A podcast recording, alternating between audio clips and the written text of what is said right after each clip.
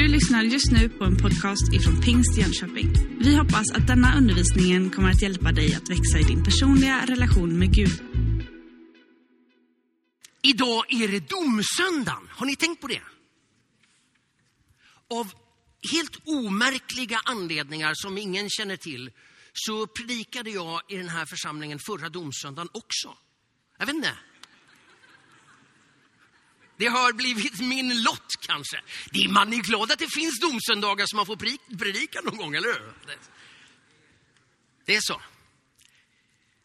Domsöndagen, den, den lägger ju på ett sätt någon slags dovhet över tron. Alltså, man gör inte som man vill utan det finns lite riktlinjer.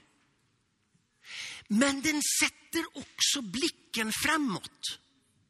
Det här är inte slutet, det här är inte det sista. Det finns en annan verklighet som är liksom beskriven utifrån domkyrkan, domsöndagens perspektiv. Man kan fundera över, vad har vi lagar till? Jag frågade några stycken, och jag ska inte namnge dem, men de finns här i lokalen. Vad tänker du om lagen och lagens funktion? Ja, men det är ju för att sätta dit buset, sa en av dem jag pratade med. Det är ju så man vet liksom vad man ska hålla sig till. Och så att man, om man går över gränsen så får man däng. Det är klart att domen som vilar på lagen har ju, liksom lagen har ju en funktion av tillrättavisning, eller hur? Och bryter vi mot den så får vi ett straff. Men lagen har ju också en typ av riktningsgivande funktion. Och jag skulle nu kunna liksom gå vidare och, ta massa exempel på lagstiftning som vi har liksom bestämt oss för i det här landet att vi ska ha. Som har format vårt sätt att vara och leva. Hur vi tänker om hur samhället bör vara. Lagen har ju väldigt hög grad en riktningsgivande funktion. Den säger, det här tycker vi är ett bra samhälle. Det här tycker vi är gott samspel i samhället. Så här tycker vi att man ska leva. Den är inte bara till för att klämma åt dem som missbrukar samhällssystemet. Utan den är ju till för att vi alla ska veta, så här tycker vi att ett bra samhälle ska funka. Och det innebär den här dagen, när vi också blickar framåt mot domen, så är det också väldigt hög grad en riktningsgivare för hur ska våra liv redan här och nu levas? Och därför tänkte jag nu läsa ett ganska långt stycke eh, ifrån Uppenbarelseboken. Och jag kommer att läsa Uppenbarelseboken kapitel 4 till kapitel 7. Det är fyra kapitel. Och då tänkte jag så att det blir lite för mycket så att jag har saxat lite grann. Och ni som nu spetsar in er på liksom få kapitel 6, alla olika hästar och vredeskålar och jordbävning och så här. De, lite av sådana bitar har jag utelämnat. Men jag har liksom tagit dragen genom de här fyra kapitlen. Eh, så så här säger Guds ord ifrån Uppenbarelseboken, det fjärde kapitlet. Och vi börjar vers två och sen så arbetar vi oss igenom. Strax kom jag i hänryckning och se, en tron stod i himlen och någon satt på tronen. Och han som satt på tronen syntes mig lik jaspis och karenol. Mitt för tronen och runt om tronen var fyra varelser som hade fullt av ögon, både framåt och baktill. De fyra varelserna hade vardera sex vingar och de hade fullt med ögon, utåt och inåt utan att vila säger de dag och natt. Helig, helig, helig är Herren Gud allhärskaren. Han som var och han som är och han som kommer. Och när dessa varelser hyllar och ärar och tackar honom som sitter på tronen och som lever i evigheters evighet, då ska de 24 äldste falla ner inför honom som sitter på tronen och tillbe honom som lever i evigheters evighet och lägga sina kransar framför tronen och säga Du, vår Herre och Gud, är värdig att ta emot härligheten och äran och makten. Du har skapat världen och genom din vilja blev den till och skapades den. Och jag såg att mitt för tronen och de fyra varelserna och mitt för de äldste stod ett lamm och det såg ut att ha blivit slaktat. Det gick fram och tog boken ur högra handen på honom som satt på tronen och när det tog boken föll de fyra varelserna och de 24 äldste ner inför lammet, var och en med en harpa och en guldskål fylld med rökelse, som är de heligas böner. Och de sjöng en ny sång. Du är värdig att ta boken och bryta dess sigill. Du har blivit slaktad och med ditt blod har du friköpt åt Gud människor av alla stammar och språk och länder och folk du har gjort dem till ett kungadöme åt vår Gud, till präster åt honom. Och jag såg och jag hörde rösten av, av många änglar som stod runt tronen och varelserna och de äldste. Och deras antal var myriaders myriader, tusen och åter tusen. Och de sa med hög röst, lammet som blev slaktat är värdig att ta emot makten och få rikedom och vishet och styrka och ära och härlighet och lovsång. Och allt skapat i himlen och på jorden och under jorden och på havet och allt som finns där hörde jag ropa. Den som sitter på tronen, honom och lammet tillhör lovsången och äran och härligheten och väldet i evigheters evighet. Sedan såg jag och se en stor skara som ingen kunde räkna av alla folk och stammar och länder och språk. De stod inför tronen och lammet, klädda i vita kläder med palmkvistar i sina händer och de ropade med hög röst. Frälsningen finns hos vår Gud som sitter på tronen och hos lammet.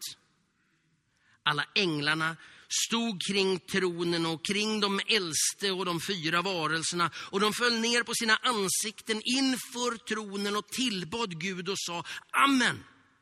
Lovsången och härligheten, visheten och tacksägelsen, äran och makten och kraften tillhör vår Gud i evigheters evighet. Amen. Och en av de äldste sa till mig, dessa som är klädda i vita kläder, vilka är de och var kommer de ifrån? Jag svarade, du vet det, Herre. Och han sa till mig, det är de som kommer ur det stora lidandet. De har tvättat sina kläder rena och gjort dem vita i Lammets blod. Därför står de inför Guds tron och de tjänar honom dag och natt i hans tempel.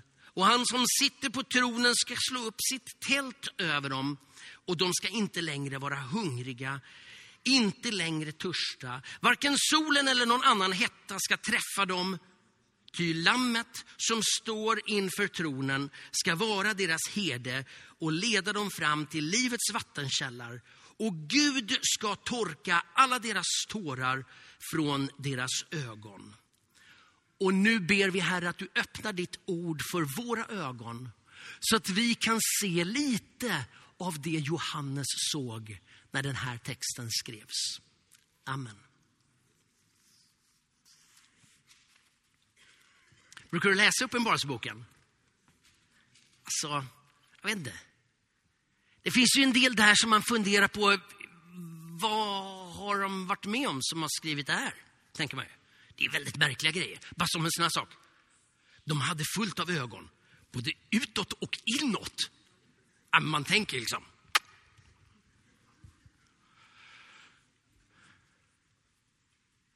Det jag vill prata med er om och som Gud har lagt på mitt hjärta, det är bilden som växer fram i den här texten av hur man sjunger, dansar och ropar och firar gudstjänst i himlen. Och jag uppfattar att det pågår just nu. Och jag uppfattar att det kommer att fortsätta i evigheters evighet. Och jag tänker mig att du och jag vi får börja skruva in tonen redan nu i riktning mot den himmelska gudstjänsten. Och därför så valde jag att låta temat eller rubriken för den här gudstjänsten vara den himmelska gudstjänsten och vår. Därför att jag tänker att det bibliska budskapet är väldigt, väldigt tydligt. Vi lever våra ljus, liv i ljuset av det kommande. Det är inte så att vi står här i ett mörker och så, så, så åh, tänk om det bara kunde bli ljus. Någon. Nej, men ljuset har ju redan tänts. Va? Och det lyser in mot oss från framtiden och gör någonting med den här tiden. Så står det i den här texten där vi började i det fjärde kapitlet. Strax kom jag i hänryckning. Ni som har läst Uppenbarelseboken några gånger, ni vet ju att den börjar ju med att, att Johannes beskriver liksom lite grann om, om sin tro på Gud och, och så berättar han hur han har hamnat på en ö som ett fångläger. Och där gör han en erfarenhet, ett möte med Jesus. Och så säger en röst till honom, kolla nu noga och skriv ner det du ser. Alltså, där där han sitter så får han en blick in i framtiden för att kasta ljus över hans verklighet.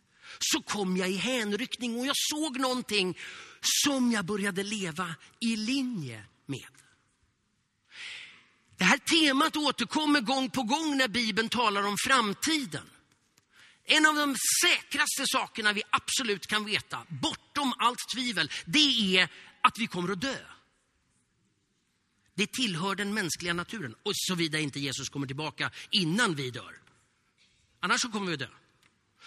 Och det här, det började ju församlingen i Thessalonike fundera över. Vad ska vi göra nu? Nu börjar de dö folk här. Var det inte, trodde vi inte på uppståndelsen? Vad tog det här vägen? Och så börjar Paulus i första Thessalonikerbrevet att skriva om vad som händer med de som dör och hur vi ska se på framtiden. Och så summerar han det stycket i första Korinthierbrevet, det fjärde kapitlet.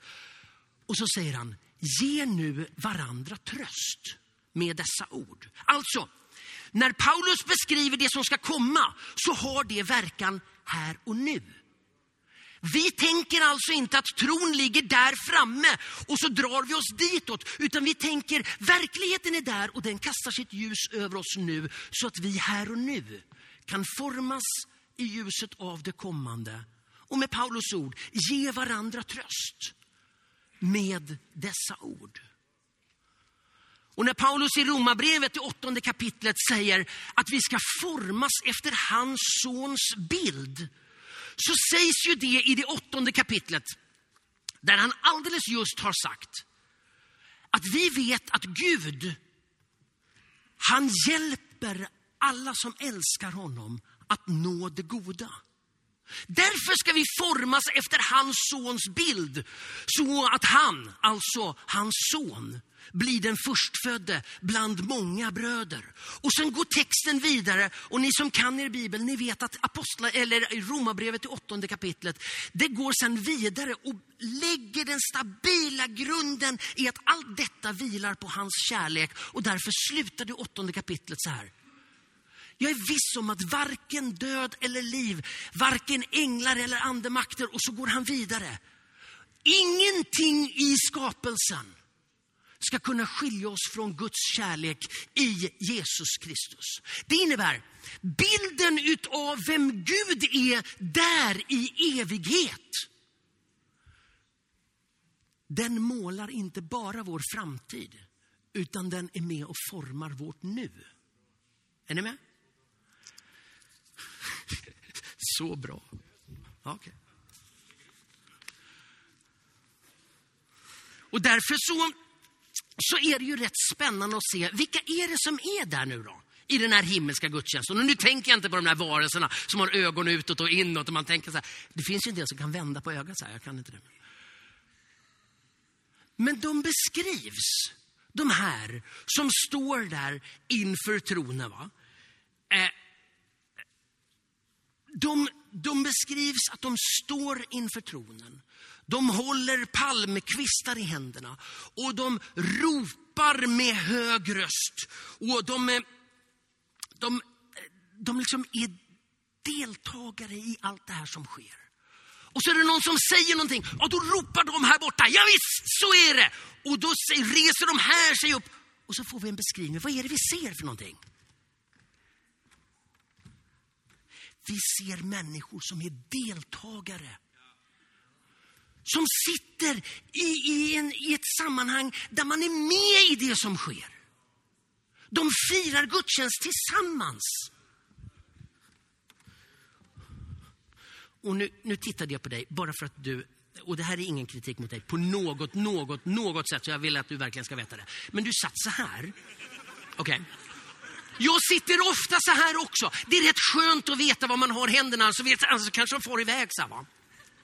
Men du vet att i den himmelska gudstjänsten, sitt gärna kvar så, för annars så kommer jag tro att jag, jag liksom har fått dig att göra något som du inte vill. Nej, men du vet att i den himmelska gudstjänsten så är det svårt att tänka sig att man sitter så. Är du med? I den himmelska gudstjänsten så är man deltagare och man ger sig hän och man liksom är med. Är du med? Och därför lite längre fram i Uppenbarelseboken så talas det om hur man hör rösten som av mängder av människor, som av dånande vatten. Och nu skrattade ni ju lite grann för att jag sa något lite halvroligt sådär. Va?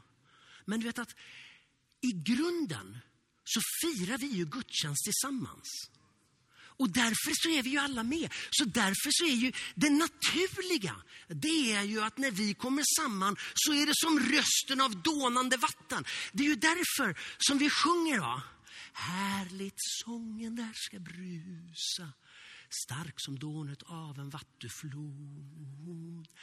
Äran tillhör Gud och Lammet, de oss vunnit med sitt du vet att det där, det där kan ju knappt betraktas som uppsjungningen.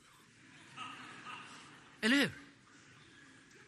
Det där var ju knappt, men ni var ju osäkra på om ni fick vara med. Utan ni tänkte ju så det här är ju en, det här är en del av hans predikan, gäller att inte störa honom, kanske han tappar bort sig. Men du vet att nu klämmer vi från fötterna. Härligt sången ska brusa stark som dånet av en vattuflod. Äran tillhör Gud och Lammet som oss vunnit. Ni kan bättre om ni ställer upp. Ställer upp. Härligt sången där ska brusa. Bättre kan ni. Stark som dånet av en vattuflod. Äran tillhör Gud och Lammet som oss vunnit med sitt blod. Och så här skulle vi kunna fortsätta. Hela gudstjänsten. Och så skulle vi kunna byta så. Ni får sätta er ner om ni vill. Ni får gärna stå upp om ni vill också. Eh, och är det någon som har palmkvistar med sig kan ni vifta med dem nu.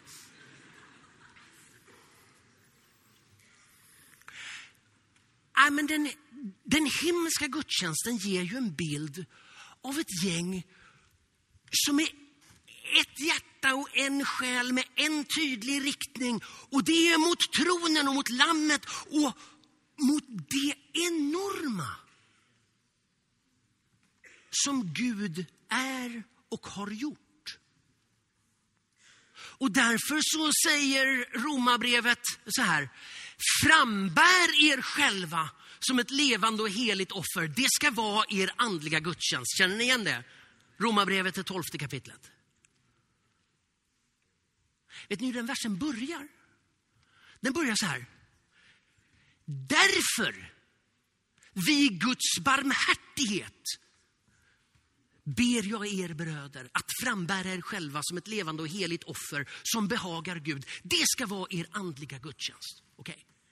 Man blir ju rätt nyfiken va? När han börjar med därför. Alla någorlunda normalbegåvade språkkännare vet ju att ett därför har ju något före sig. Vad är det som ligger före därför i Romarbrevet?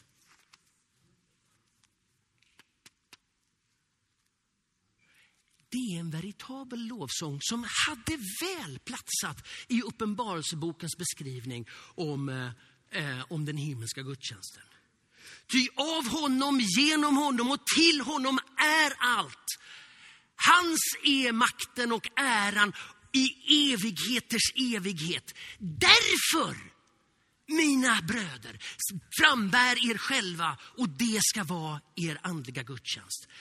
Varför firar vi gudstjänst och varför så är det så grundläggande? Därför att Gud är den han är. Är ni med? Och därför har gudstjänsten inga besökare. Om du fram till denna dag har betraktat dig själv som besökare av gudstjänster i Pingstkyrkan i Jönköping eller någon annanstans, så skulle jag vid Guds barmhärtighet vädja till er att förändra terminologin. I Guds rike och i gudstjänsten finns inga besökare. Där finns deltagare. Vi deltar på lite olika sätt. Idag är det min roll att stå här. Och någon annan som sjunger och, och snart ska vi fira. Men vi är alla deltagare. I gudstjänsten finns inga besökare, bara deltagare. Vi ser också i eh, Uppenbarelseboken eh, att gudstjänsten är ju ytterst central. Alltså, att fira gudstjänst verkar vara något helt avgörande. Och det ser ut som att det kommer vi hålla på med bra länge. Så om ni tycker att vi har lite långa gudstjänster, vänj er. Du vet att vi kommer hålla på i evigheters evighet. Så det här, det är liksom bara förrätten. Är du med? Långa gudstjänster, det tillhör Guds rike. Eh, vi drar inte det så hemskt mycket längre där, kanske. Men däremot så är det uppenbart att i den kristna kyrkan så är det viktigt med gudstjänsten. Och när den tidiga kyrkan formerades så står det i Apostlagärningarna, de möttes varje dag i templet. Och i hemmen höll de måltid med varandra i jublande uppriktig glädje. Och för att inte gå vilse så säger Hebreerbrevets författare, se nu till att ni går på gudstjänst. Och låt mig nu verkligen, verkligen säga detta så att ni hör och förstår. Det här är inte en ordförandes uppmaning till församlingen att liksom ta del i den här organisationens aktiviteter. Det är inte det jag håller på med nu. Utan vi pratar om det jag uppfattar vara Guds ord om vilka vi är och hur vi utvecklas i att vara det och förblir i den identiteten. Alltså att inte försumma våra sammankomster, att vara deltagare och vara trogen deltagare. Jag skulle vilja att du funderar över den här formuleringen. Titta på den här. Som kommer nu på nästa bild. Vi firar gudstjänst för att vi är troende. Ja, men det är ju, det är ju alltså, annars hade ju inte du gått hit Mattias. Alltså, det det är liksom, du valde ju att gå hit. Det är klart att vi firar gudstjänst för att vi är troende. Men, smaka på den andra. Vi är troende för att vi firar gudstjänst. Hade det här nu varit en eh, liksom, föreläsning i olika kyrkors sätt att se på den kristna identiteten så hade vi kunnat göra, dra lite analys av olika kyrkors betoning.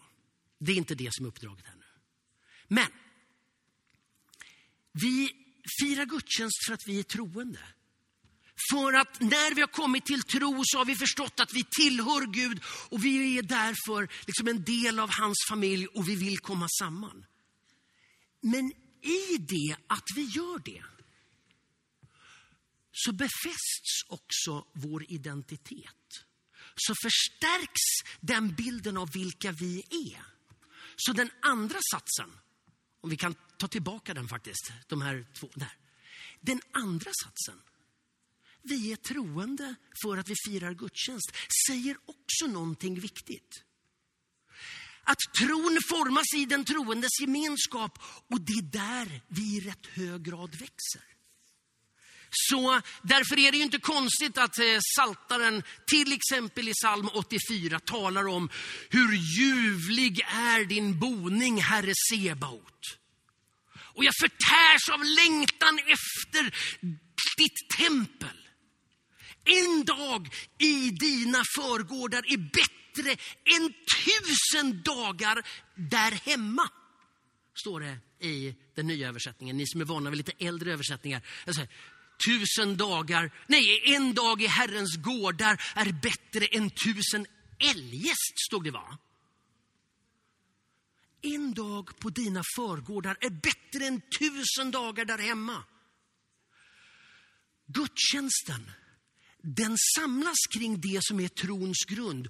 Och den är också med och formar och bygger den grunden i våra liv. Så försumma inte gudstjänsten.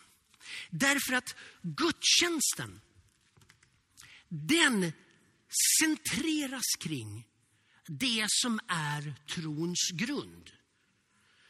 Och om man nu skulle gå igenom de här fyra kapitlen som vi liksom saxade ur i inledningen här. Så är det ju några grejer som är väldigt framträdande och som jag tänker, det är det här som formar essensen i vad det är att fira gudstjänst. En grej är ju uppenbar.